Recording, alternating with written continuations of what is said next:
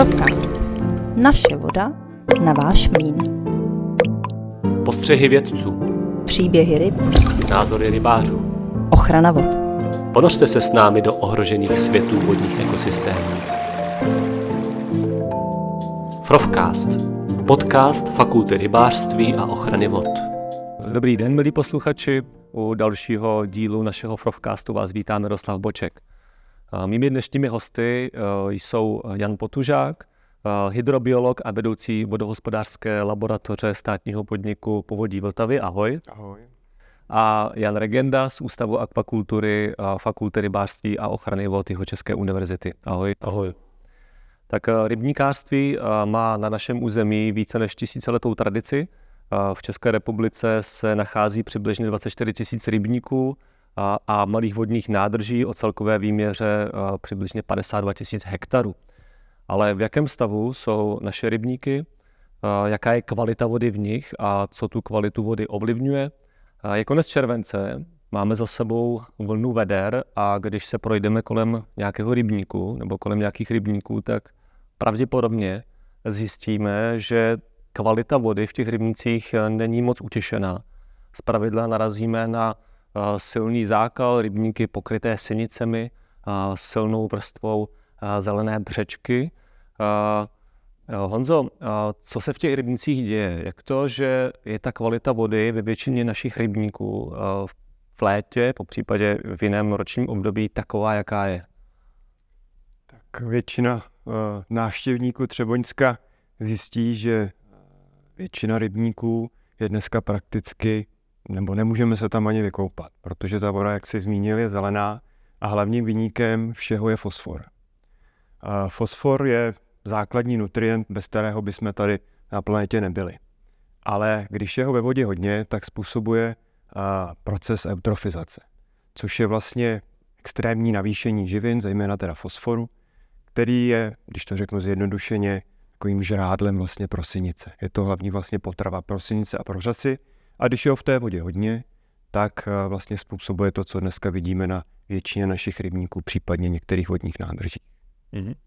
Takže na začátku jsou nějaké chemicko-fyzikální procesy, to znamená, je tam moc fosforu.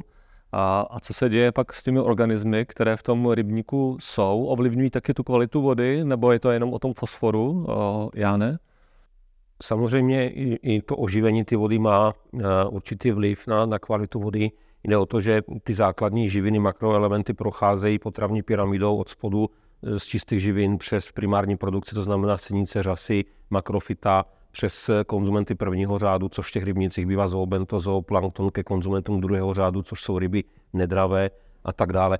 A vlastně problémem eh, rybničních ekosystémů je, že se nám eh, velice brzo díky vyžíracímu tlaku ryb eh, jakoby zbortí ten převodní mechanismus, že po těch primárních producentech by měli konzumenti prvního řádu ten zooplankton, zoobentos, ale ten prostě ty ryby sežerou a vlastně ten energetický tok od spoda nahoru je, je, je přerušen a háže různé mikrobiální zkratky jakoby zpátky a to se spotřebovává kyslík a rozehrávají se další biochemické procesy, které vlastně nám komplikují tu kvalitu vody.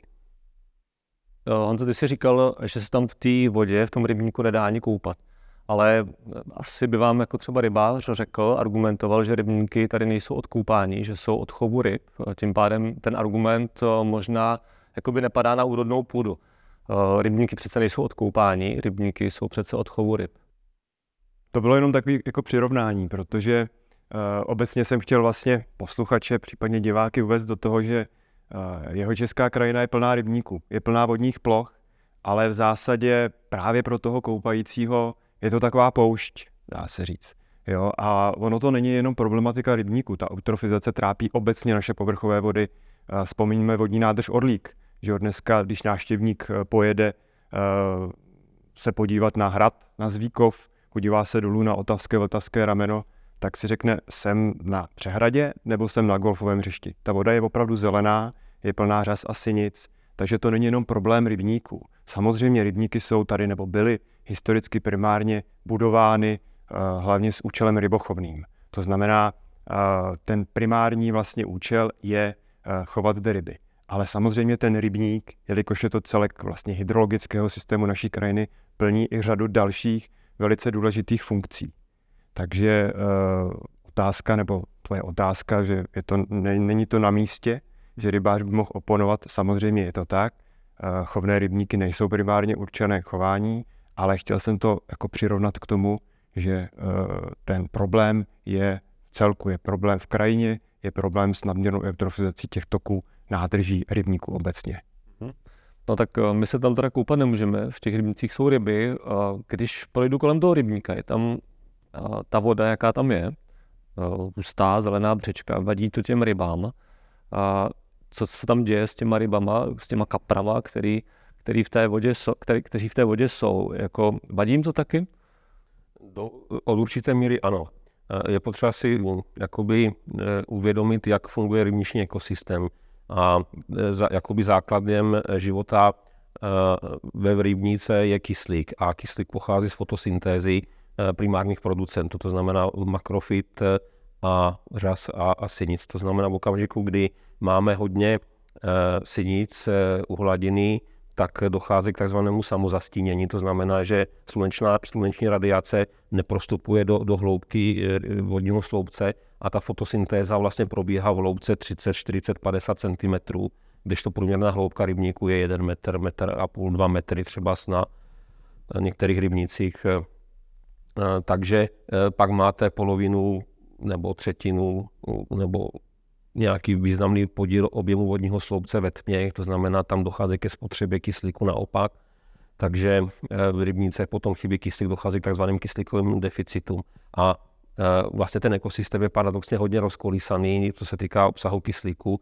U hladiny běžně potom odpoledne můžete naměřit supersaturaci přesycení vody kyslíkem na úrovni 200-250, někde až 300% a naopak nad ránem před rozbřeskem vlastně ten systém jde do druhého extrému, kde ten, ta koncentrace kyslíku padá prostě na 1 mg, 1,5 mg, což v té teplé vodě eh, je samozřejmě Eh, problém. A s fotosyntézou pak souvisí výkyvy pH. Mm-hmm. No dobře, takže to vlastně neprospívá nikomu, eh, víceméně ani těm rybám, když je toho moc, ani, ani nám. A, tak kdo, nebo mm, kdo za to vlastně může? A, jak se tam ten fosfor dostává? To už je docela jako složitá otázka. A můžeme začít třeba tím fosforem. Říkali jsme teda, že to, že to hodně závisí na tom fosforu. Tak jak se ten fosfor v těch rybnících objevil? A, a to se pak možná zeptám tebe, a jestli tam byl vlastně odedávna, nebo od kdy ty problémy s rybníky máme. Tak možná nejdřív eh, s tím fosforem, kde se tam v těch rybnicích teda bere. Já odpovím na tu otázku, kdo za to může. Můžeme za to všichni. Protože uh, vlastně fosfor, uh, nebo zdroje fosforu, že, které se dostávají do povrchových vod, uh, je, dá se říct, antropogenním vlivem. Jo, protože jednak rybníky, když si představíme rybník, je to součást povodí, jak já říkám rád, je to takzvaný vlastně retenční prvek v té krajině. Představme si vlastně tu soustavu řek, potoků, na každém tady prakticky máme rybník, takže e, je to taková to přirovnání hezké, e, lymfatický vlastně systém naší krajiny.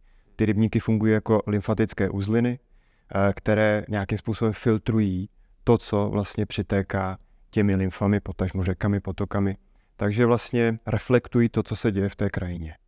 A pokud ten rybník je nějakým způsobem přetížený, zatížený, tak funguje přesně opačně. Primárně by rybník měl živiny, zejména teda fosfor, zadržovat. Nějakým způsobem je tam přirozená retence, díky tomu, že ta voda se tam v něm zadrží, tak tam fungují biologické procesy. Ten rybník je prostě úžasný bioreaktor. Mělká teplá voda, spousta bakterií, uh, velice intenzivní biologické procesy, takže ten fosfor se tam dokáže velice účinně uh, redukovat, je tam velká retence, ale samozřejmě pokud je ho tam hodně, je to přetížený systém, tak naopak stejně jako ty lymfatické uzliny, pokud nejsou v dobré kondici, tak nám dělají spíš v tom povodí nebo v tom lidském těle neplechu. Takže uh, tam si musíme uvědomit to, že veškerá naše činnost, ať je to uh, mytí rukou, ať je to využívání pracích prostředků, a ať je to hnojení polí, a, a ať jsou to prostě veškeré další činnosti nějakým způsobem dřív nebo později látky, které se v té vodě vyskytují, skončí v nějaké nádrži. Takže za to, za všechno vlastně, dá se říct, můžeme my lidé. Jo, takže nemít ruce a neprat, to je řešení. To není řešení, ale uh, důležitá je taková ta horizontální zodpovědnost. Jo, mým dětem by se to možná líbilo, takový řešení. Každý člověk je trošku, nebo je zodpovědný za své činy, když to takhle řeknu. A takže už takové to nakládání vůbec s tím fosforem, protože uh, zmíním tady jednu věc, uh, ten fosfor je velice na jednu stranu cená surovina. Jo, protože v rámci uh, celého světa jsou ložiska minerálního fosforu velice limitované.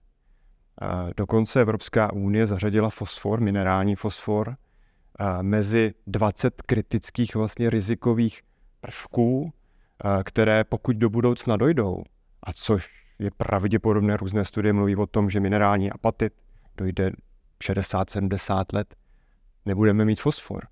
Budeme ho mít spoustu ve vodě, budeme ho mít spoustu v sedimentu, v rybnících, ale nebudeme mít s čím pohodit naše pole. Jo, takže ta Evropská unie vlastně ten fosfor zařadila mezi 20 kritických vlastně surovin a proto se řeší aktuálně velice dobré a žhavé téma recyklace. Recyklace živin, recyklace fosforu, k tomu se možná ještě dostaneme skrze rybniční sediment. Takže eh, je o to, že si musíme uvědomit, že člověk jako takový je zodpovědný za to, jak ty rybníky a ta kvalita vody vypadá a měli bychom k tomu i takhle přistupovat. Takže rybníky jako zdroj, možná budoucí zdroj uh, fosforu, k tomu se ještě dostaneme, protože já vím, že vy máte projekty, kde řešíte, jak ten fosfor z toho rybničního bahna dostat. Uh, byl tam ten fosfor, nebo takhle, ten fosfor tam nebyl odedávna, to je jasné. Uh, kdy ten, nebo od kdy řeší rybníky problém s eutrofizací, to znamená s nadměrným množstvím živin. Protože to asi nebude, Jakub Krčín z Jelčan a Sedlčan takovýhle problém asi neřešil, předpokládám. Ono asi ne, ale i v tom středověku byly eh, hodně živinami zatížené rybníky, dneska bychom řekli eh, eutrofní, ale bylo jich minimum. Když se podíváme zpátky 100-150 let, tak ta produkce nebo výlovek tržních ryb z těch rybníků byl na úrovni 80-100 kg. Dneska jsme někde na 500 kg v průměru. Místně i, i víc. Takže je vidět, že se ta, to množství těch ryb vyprodukovaných zvyšuje v čase, ale to je přirozené, protože se nám taky zvyšila užitkovost hospodářských zvířat, to znamená ta kravička před 150 lety nadojila možná 800 tisíc litrů za rok, dneska dojí 9 tisíc kusů litrů. Dřív jsme jezdili bričkou, dneska jedete letadlem nebo letíte letadlem. Eh, psali jsme husím brkem, dneska máme počítače, takže ta doba se jakoby proměnila, technologie nám přinesly v úvozovkách efektivitu do, do všech aspektů lidského života, takže ji hledáme i v zemědělství a rybářství.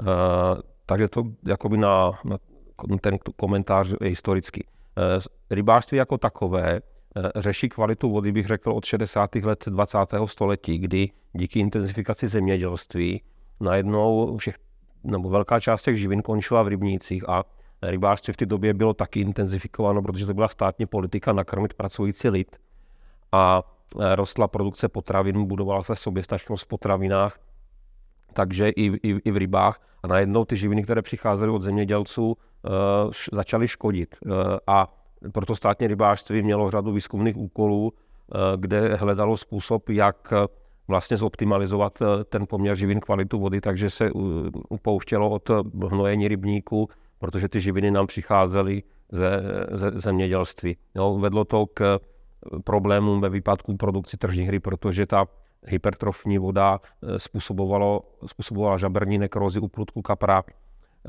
takže bylo vysoké pH, byly ztráty, když není průdek, nejsou násady, potom nejsou za 3-4 roky tržní ryby, takže jako budovatele socialismu měli v té době těžkou hlavu. Hmm. No, uh, vy jste říkal, že, že za to můžeme všichni, ale dost často slyším uh, jako v těch diskuzích, že za to můžou rybáři, někdo zase říká, že za to můžou zemědělci. A pojďme se trošku zaměřit na ty rybáře. Uh, vy jste říkal hnojení, uh, vy jste říkal, že, nebo obecně je známo, že rybáři přikrmují obilovinami. Jak tohle, jaký tohle má vliv na eutrofizaci, na kvalitu vody v rybnicích? A rybáři někdy říkají, že už dneska moc nehnojí, tak je to opravdu tak? Je to opravdu tak. V rybářství spotřeba hnojiv výrazným způsobem klesla, zejména v posledních letech. Je to dáno několika důvoda, důvodami. První důvod je, že toho hnoje je k dispozici výrazně méně. Když se podíváte na vývoj stavu hospodářských zvířat, zejména jakoby skotu, od, odkud pochází hnůj, tak jsme na víc než polovičních stavech proti roku 90. Jo, takže je méně kráv, méně hnoje, řada toho hnoje jde zpátky na zemědělství. Nemluvím o tom, že řada toho dobytka je ustájeno v beztelivových provozech eh, a produkuje kejdu, která je buď aplikovaná na pole, nebo jde do bioplynových stanic. Takže fyzicky je toho hnoje méně. Druhý aspekt je legislativní rámec. Aplikace hnojiv do, do vody, do rybníku v rámci chovu ryb je považovaná za vnos závadných látek z hlediska vodního zákona, paragraf 39 a je to možné provádět na, na výjimku ze zákona. A dneska právě řada rybářů eh, tu výjimku nevyřizuje, nežádá a rybníky nehnojí, protože těch živin v tom povodí je eh, bez tak eh, dost. No, takže myslím si, že, že ty zkazky prostě z některých kruhů, že rybníky jsou hnojeny nadměru, se nezákladají na pravdě. Prostě ano, hnoj, hnoj se do rybníku stále dává, ale ty množství jsou prostě minimální ve srovnání s tím, co bylo v minulosti. No, trošku jiná situace je při, při krmování, eh, to znamená, používají se obiloviny, tam eh, došlo eh, v posledních letech nebo ve srovnání se socialismem k zvýšení spotřeby krmných obilovin. Souhlasíte, vy jste hydro, hydrobiolog, to znamená, vy máte ekologickou duši nebo spíš ten ekologický pohled na to, tak Souhlasíte s tím, že, že rybáři už téměř nehnojí, nebo si spíš myslíte, že jsou tam ještě rezervy? Já jsem sice hydrobiolog, ale vlastně vystudovaný rybář. Takže já to mám trošičku vlastně jakoby zprostředkovaný tím, že uh, tu praxi rybářskou, ne teda tak dokonale, jako tady Jáno znám, ale uh, ono je to individuální trošku, jo, protože ono sice člověk to může brát v kontextu v rámci republiky, kde vlastně ty rybářská centra jsou jich několik, že jo, kde těch rybníků je nejvíc, ale uh, obecně v některých oblastech samozřejmě dochází jako po poklesu uh, organického hnojení a neříkám, že jenom díky tomu poklesu se kvalita některých rybníků zlepšuje, ale spíš si myslím, že je to taky o té osvětě a o tom, že i řada těch eh, rybářů nebo hospodařících subjektů si uvědomuje, že ten hnůj vlastně z nějaké určité setrvačnosti tam v tuhle chvíli už nemá svoje místo. Nebo že naopak může generovat ta jeho, nechci říct nadměrná, ale jeho aplikace problémy. Jo, veme si třeba příklad tady nedaleko rybník dechtář. U Českých Budějovic, což je trošku takový atypický rybník, který je s průměrnou hloubkou kolem dvou metrů, trošku vypadává z toho takového standardu Eh, běžných třeboňských rybníků, ale eh, to je rybník právě, jak Jano zmiňoval, kde dochází k velkým problémům s kyslíkem. A je to dáno tím, že rybník je zelený, fotosyntéza probíhá, dejme tomu, do, těch, do toho necelého metru, ale ten zbytek té vody směrem ke dnu je ve tmě. A teď si představte, že vlastně nastane období, teď se k tomu blížíme, přelom července, srpna, kdy dojde, jednak se zkrátí den, jo, není taková ta intenzita eh, toho slunečního záření a dojde, čo dost často dochází, ke změně počasí. Přichází studené fronty, bouřky a ten rybník se začne míchat, ten se promíchá a vám se vlastně dostane nahoru ta bezkyslíkatá voda, která vlastně způsobí to, že když je zataženo, řasy neprodukují ve fotosyntéze kyslík, tak najednou máte v rámci rybníka koncentrace kyslíku kolem 2-3 mg, protože se vám vlastně promíchá ta bezkyslíkatá zóna. A pokud si uvědomíte, že do těchto z těch podmínek takhle dejme tomu našponovaného rybníka byste aplikovali organické hnojení, kde máte teplou vodu, že jo, tak eh, vlastně rozjedete ještě další vlastně koloběhy, které eh, vám naopak vlastně prohloubí ještě tu deficienci, že rozklad vlastně té organické hmoty, která by vám naopak měla jakoby podpořit tu produkci, tak vám naopak tu produkci mohou díky tomu, že tam nebudete mít kyslík, ještě srazit. Jo, takže řada těch rybářů, rybářských subjektů si to uvědomuje, že ta organika tam dneska už nemá úplně své místo, protože takový ten primární účel, teď to řeknu prominutím, nakopnout vlastně vlastně tu primární, sekundární produkci, to už dneska postrádá smysl, protože cel, celkového organického uhlíku v povodí a v rybnících je spousta, takže není úplně důvod to nějakým plošným způsobem do těch rybníků aplikovat. Naopak můžou si rybáři tím podřezat trošku větev, že jo, než to řeknu takhle, protože uh, může to být kontraproduktivní věc. Dobře, takže mám rybník, eh, mám ho úplně zelený, nebo rybářskou soustavu, mám tam špatnou kvalitu vody. Co udělat, abych tu kvalitu vody v těch rybnících zlepšil? Ať už z pozice teda rybníkáře, který potřebuje taky z těch rybníků dostat eh, nějaké ryby, který mu vydělají peníze, ale i z hlediska eh, třeba veřejnosti, z hlediska, aby se tam mohli koupat, po případě z hlediska třeba starosty nějakého kde ten rybník, nějakého městečka nebo vesnice, kde ten rybník se nachází. Tak co udělat, aby došlo ke zlepšení kvality vody v rybnících? Konkrétní nějaké opatření existují? Určitě je, je možné dělat řadu věcí, když ten rybníkář nemá všechno pod kontrolou. Jakoby první faktor je, že absolutně nemá kontrolu nad tím, co mu do rybníka přitéká. No, on má kontrolu nějakou nad tím, co do toho rybníku vkládá. To znamená, mám-li nějakou rybniční soustavu, eh, tak určitě je eh, dobré znát to povodí, co se v něm děje a řešit ty, ty jednotlivé plošné zdroje eh, znečištění. Ale kdybych se vrátil k tomu, co mohu ovlivnit, tak v první řadě, kdybych byl jakoby zootechnik odpovědný za, za tu rybniční soustavu, tak první věc, kterou bych si hlídal v rámci soustavy, je výskyt plevelných ryb. Protože ten vyžírací tlak, který je dneska nadměrný, tak je z části dělán kaprem ale ten vyžírací tlak kapra eh, je kontrolovatelný, je regulovatelný a není jakoby eh, tak devastující jako vyžírací tlak plevelných ryb. Proč? Protože kapr vlastně přijímá potravu vlastně neselektivně. On se pase, prostě poliká e, zooplankton z vodního sloupce. Kdežto ty plevelné ryby, typicky dneska dělá velký problém střevlička východní nebo karas střibřity, tak oni jsou takový snajpeři. Oni odstřelují, přijímají tu, ty jednotlivé partikuly, velké samičky dafny, eh, které vlastně eh, zatížují uh, vlastně další produkci zooplanktonu a nebo podrážejí další produkci zooplanktonu a vlastně likvidují ten třevodník, o kterém jsem mluvil jakoby předtím. No to je jako na, na váleční frontě odstřelováč jde po velitelech, protože nemá šanci zastřelit 200 pěšáků, ale když zastřelí tři velitele, tak těch 200 pěšáků se zhroutí a nebudou efektivní eh, v tom, v tom boji. Tak něco podobného jsou ty plevelné ryby. Takže to je první aspekt, který, kterým bych jakoby bojoval za kvalitu vody, abych měl absolutní kontrolu, co největší kontrolu nad eh, vyžíracím tlakem nad obsádkou ryb. Druhá věc je, přehodnotil bych eh, obsádku kapra hlavních druhů ryb, aby vlastně nebyl nadměrný. Mm-hmm. Co ještě bychom měli změnit, abychom zlepšili kvalitu vody v rybnících? A teď eh, se nemusíme bavit přímo o rybářích, to už nám tady řekl eh, obšírně eh, Jano, ale co třeba v té krajině, nebo byste řekl, protože vy jste řekl, že to je celospolečenský problém, eutrofizace nebo znečištění rybníků. No tak, jak jsem řekl, tak ten rybník je součástí že jo, nějakého hydrologického systému.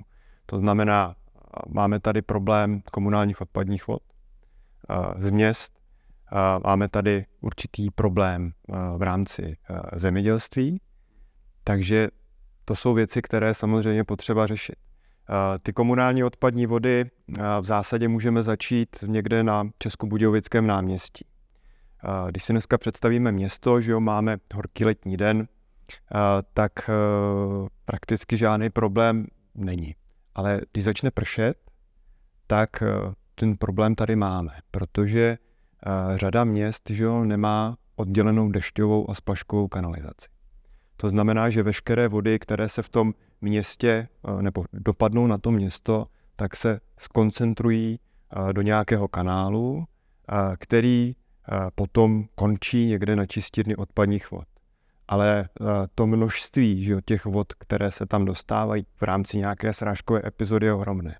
Takže ta čistírna odpadních vod to samozřejmě není schopná všechno vyčistit, protože v tom kanálu se samozřejmě spojí jak ta relativně v úzovkách čistá dešťová voda, tak s tou splaškovou vodou. Míří to na tu čistírnu a ta čistírna si musí nějakým způsobem odlehčit, když to takhle řeknu. Takže každá ta čistírna, což je věc legální, není to nic prostě špatného, z pohledu legislativy má takzvané odlehčovací komory. To znamená, že ta část těch vlastně nečištěných, lehce naředěných odpadních vod se nějakým bypassem vlastně vyhne té čistírně a končí ve vodotyči. Končí v řece, končí v potoce, nakonec skončí i v rybníce. To znamená, že první, kde bychom měli začít, je vlastně řešit problematiku měst. Zasakování vlastně dešťové vody. Říká se tomu dneska zeleno-modrá infrastruktura, zelené střechy, různé zasakovací plochy, zeleň ve městech. To všechno nám nějakým způsobem pomůže snížit vlastně ten odtok té dešťové vody do kanálu. Ty spevněné plochy, že jo, u nákupních center, náměstí, všude prostě máte beton, a zámkové dlažby. To je všecko opravdu z pohledu zasakování velice špatně. Jo, takže to je první věc, kde můžeme začít. Druhá věc je samozřejmě uh, intenzifikace čištění odpadních vod z pohledu fosforu. Dneska legislativně vlastně každá obec, která má nad 2000 ekvivalent obyvatel, má nařízeno legislativně, že musí na čistírně mít tzv. terciální srážení fosforu, to znamená ten fosfor srážet. Ale ty obce, které jsou menší, tuto povinnost nemají. Jo, takže uh, to je věc, že v té krajině, když se podíváme zrovna třeba na ty jižní Čechy, takových obcí pod 2000 ekvivalent, které mají čistírnu, je spousta. Jo, takže to je jedna věc. Takže uh, myslím si, že je na čase se zamyslet i nad tou problematikou uh, zpřísnění legislativy právě z pohledu emisí fosforu. U těch drobnějších obcí a důležitá je věc, že samozřejmě pokud to ty obce budou mít povinnost mít na těch čistírnách, tak je hrozně důležitá ta osvěta těch lidí. Proč vůbec eh, to na těch čistírnách mít? Protože samozřejmě, když pak starosta přijde za těmi občany, ale budeme tady mít nějaký, nějakou lepší technologii na čištění odpadních vod, ale zvýšíme vám vodné a stočné, tak samozřejmě jako to bude pro ně šok, i když to bude zvýšení o 10-20 halířů. Ale samozřejmě je to nepopulární krok, že jo. Samozřejmě zemědělství to je kapitola sama pro sebe. Zemědělství jako takové v současné době není primárně zdrojem fosforočnanového, fosfátového fosforu. Zde máme spíš problém se erozními smyvy. Díky vlastně probíhající uh, agronomické, dejme tomu praxi, tak uh, máme značnou erozi. Na řadě pozemků máme značnou erozi to je právě problém pro rybníky, protože se budeme bavit o tom sedimentu, o tom bahně, které dost často ty rybníky trápí obecně a trápí nás z řadu dalších jakoby, důvodů, tak pochází zejména vlastně uh, ze zemědělských pozemků. To bahno v rybnice samo nevzniká, nebo vzniká minimálně. Ale to gro přichází právě z té zemědělské půdy. Není to primárně problém toho, že by tam nateklo bahno, samozřejmě nateče s ním i relativně dost fosforu, ale ten fosfor není okamžitě využitelný pro řasy, pro synice jako takový starter. Dělá nám problém samozřejmě v tom, že může v podmínkách bezkyslíkatých, o kterých kolega mluvil, a způsobovat problémy s obohacováním živin. Ale primárně není problém. Je to spíš problém toho objemu, té masy a takové ty smyvy, které jsme znali, živinové smyvy, které jsme znali že v těch 60. 70. letech, kdy do těch rybníků tekly vlastně, dá se říct, čisté živiny. To už dneska prakticky není. Protože na řadě polích Eh, je fosfor problém. Jeho tam nedostatek, eh, máme tam poměrně dost dusíku, že jo, díky eh, poměrně významné aplikaci dusíkatých hnojiv, ale fosfor tam nemáme. Takže to je pak další otázka, proč ho tam nemáme a co bychom s tím do budoucna měli udělat. No a to se dostáváme k tomu, o čem už tady byla zmínka, že existují projekty nebo snahy a ten rybniční, to rybniční bahno plné fosforu aplikovat, vrátit zpátky do toho, do toho cyklu, do té recyklace. A Jano, ty jsi z Fakulty rybářství ochrany vod. Jak, jak, dělají se tam takovéhle projekty? Po případě, jaké třeba další podobné projekty související s tou recyklací máš na starosti nebo o kterých víš? Určitě problematika zabáhnění rybníků je velká a trápí rybářství desítky eh, let, eh, zejména v návaznosti na intenzifikaci zemědělství v 50. 60. letech. V současnosti můžu říct, že na fakultě jsme před několika málo lety společně s kolegou Pavlem Hartmanem řešili projekt zachytávání a recyklace sedimentu unikajícího při výlovech rybníků. Vyvinuli jsme, otestovali jsme jednoduchou technologii, kdy ve stoce pod rybníkem jsme stavěli dočasné bariéry z balíku slámy a ta voda při tom výlovu protíkala těma dle bariérama a docházelo k čištění ty vody.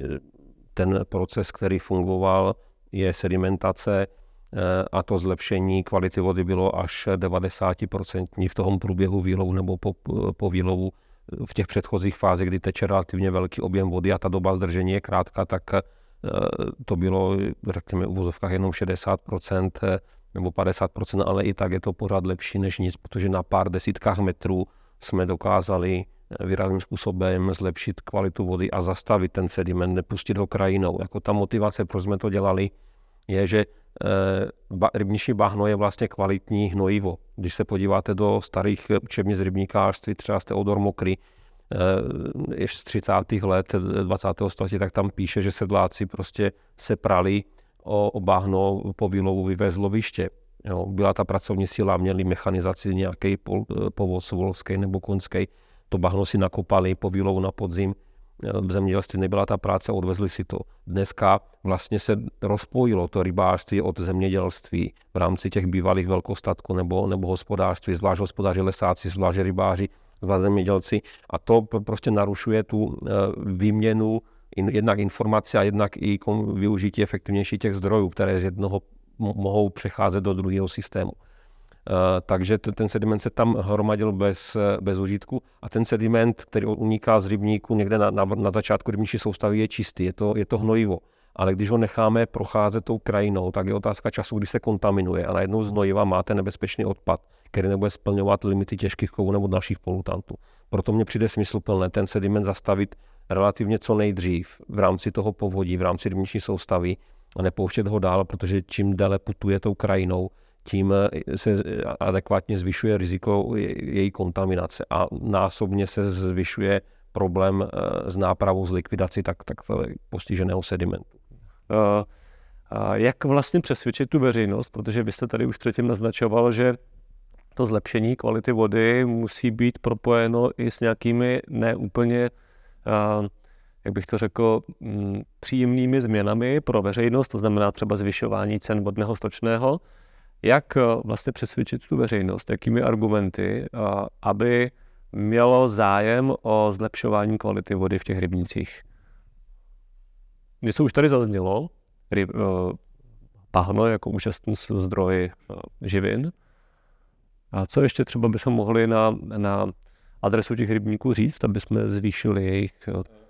Poradil lidem, aby jedli víc ryb, protože je to o poptávce a nabídce. V okamžiku, kdy se zvýší spotřeba ryb, která je u nás velice nízká, zhruba na úrovni 5,5 kg na osobu a rok, z toho sladkovodních ryb je dneska necelý kilogram nebo zhruba kilogram a v čase spíš má klesající tendenci, eh, tak v okamžiku, kdybychom začali konzumovat víc ryb a eh, dívali bychom se tomu chovateli, dodavateli do očí, tak bychom mohli, mohli říct Pepiku, ten kapr byl výborný. A nebo uh, Milane, stálo to za prd, takovýho kapra si strč do bačkora, ne, neprodávím ho. Jo? A to by byl nepřímý tlak, eh, velice efektivní a chytrý uh, pro, pro to, aby ty chovatelé optimalizovali technologii chovu na kvalitu a nehonili ty tuny, nehonili kvantitu. No, něco podobného si myslím udělalo České moravské vinářství na přelomu nebo na konci socialismu, kdy, kdy vlastně se honily výnosy vinné révy, cukrnatost se dohnala eh, prostě jinak a z toho vína pak bolela hlava. Dneska jako ty vinohrady jsou zaměřené na produkci menšího eh, množství, ale mnohem kvalitních hroznů, z kterých se teprve dají udělat kvalitní vína. A podobný princip by si myslím bylo potřeba aplikovat i na české eh, rybníkářství. Brůstu z rybníků a probíhající klimatická změna, zvyšování teploty, sucho. Jaká je jejich budoucnost, respektive zmíní se hm, jejich účel, význam eh, do budoucna, eh, zvýší se význam některých třeba funkcí, eh, které jsou ty třeba opomíjené, a, a jaká je vlastně udržitelnost rybníkářství na, na rybnících, dejme tomu v horizontu 20-50 let. Dokázal by si hm, předpovědět nebo si troufnout říct, jak to bude vypadat? Význam rybníku bude velký. Myslím si, že samozřejmě dneska díky nedostatku vodních ploch z pohledu nedostatku vody, ve vztahu teda k nedostatku vody. Samozřejmě řeší se dneska otázky budování nových nádrží, budování rybníků. Je to všechno vlastně za účelem zadržení vody v krajině, protože ta voda obecně to je nejefektivnější klimatizační vlastně prostředek, který máme. A když se člověk projede že jo, okolo rybníků v parném letním dně, tak je mu rozhodně příjemnější, než když se prochází Budějcích po náměstí. A, takže ta role, ten význam těch rybníků poroste. A, my tady máme ty rybníky 200, 300, 400, 500 let. Já doufám, že dalších 200, 300, 400, 500 let tady budou. Ale samozřejmě musíme se zamyslet nad tím, v jaké funkce nebo jaká je ta celospolečenská jakoby poptávka.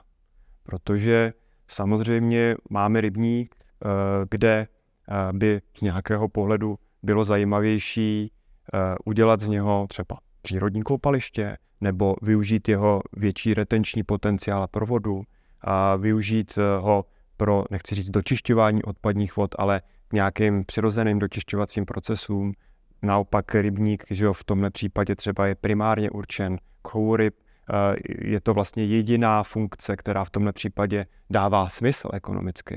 Takže dneska do popředí vstupují vlastně eh, počet ekonomický, protože dneska se všechno přepočítává na peníze takzvaných ekosystémových služeb. Jo, takže je hrozně, už je spousta velice šikovných lidí, kteří to dokážou spočítat a pro tu danou oblast Vem se bavit třeba o nějaké vesnici, která má okolo sebe několik rybníků, dokáží spočítat, co je vlastně pro tuhle tu lokalitu ekonomicky nejvýhodnější. Zdali je to ta produkce ryb, nebo nějaké další vlastně uh, funkce rybníka, jako je podpora biodiverzity, podpora uh, rekreační, vlastně jakoby z rekreačního cestovního ruchu v té oblasti, a nebo je to zadržení té vody v krajině. Ta vždycky bude prostě uh, patřit vlastně mezi funkce, které budou na prvních místech protože, jak říká náš pan generální ředitel, bez vody to nepůjde. Ale ono to tak opravdu je, protože ta voda, pokud dojde, tak my tady nebudeme a ty rybníky nám v tomhle tom se zadržením mohou velice pomáhat. Takže uh, jaká je perspektiva uh, rybářství, to uh, asi možná líp odpoví kolega, ale určitě si myslím, že bude tlak na ty mimoprodukční funkce, že postupně budou vzrůstat vlastně ta důležitost rybníka nejen z pohledu chovu ryb, ale z pohledu retence živin, z pohledu retence vody v krajině, z pohledu klimatizační vlastně funkce těch rybníků jako takových. Takže uh, myslím si, že to nebude o tom, že by rybářství zaniklo, ale určitě bude tam potřeba nějaké technické, případně mentální změny a, a postupně vlastně k těm rybníkům nahlížet jako k nám, jako k lidem. Každý rybník je individuální, každý rybník prostě se chová trošičku jinak než ten druhý, takže je potřeba vlastně ten přístup udělat tak nějak holisticky celkově a brát ho ve vztahu k té krajině nejenom jako nějaké, nějaký zdroj vody, nějakou nádrž prostě lokálně a, bez ohledu na to, co do ní teče, co do ní přitéká a jak ten rybník funguje. Jano, souhlasíš? Perspektiva budování většího množství rybníků, proměna významu a funkce těch rybníků směrem k těm mimoprodučním ekosystémovým, možná na úkor těch, těch produčních? Eh, určitě je to směr, kterým se půjde do budoucna. Eh, já si myslím, že rybníky jsou nedoceněné společensky i ekonomicky v naší krajině, že je to vlastně poslední voda v naší krajině, která je tak nějak jakoby provázaná organicky s přírodou, že je spousta lidí, jak když provázím cizince ze zahraničí a, a přijdu na hra z rybníka Rožumber, tak oni nechápou, že to není jezero.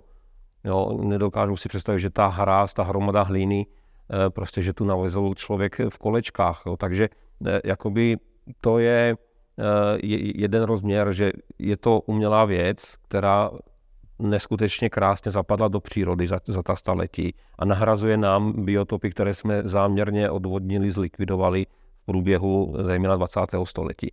Na druhé straně máme v historii rybníkářství, které, je, které je skoro tisícileté, eh, epizody, kdy to rybářství zkvétalo a kdy, kdy to taky vadlo. Prostě z těch 180 tisíc hektarů rybníků eh, z poloviny 50, 15. Eh, století jsme padli na nějakých 35 tisíc hektarů v polovině 19. století.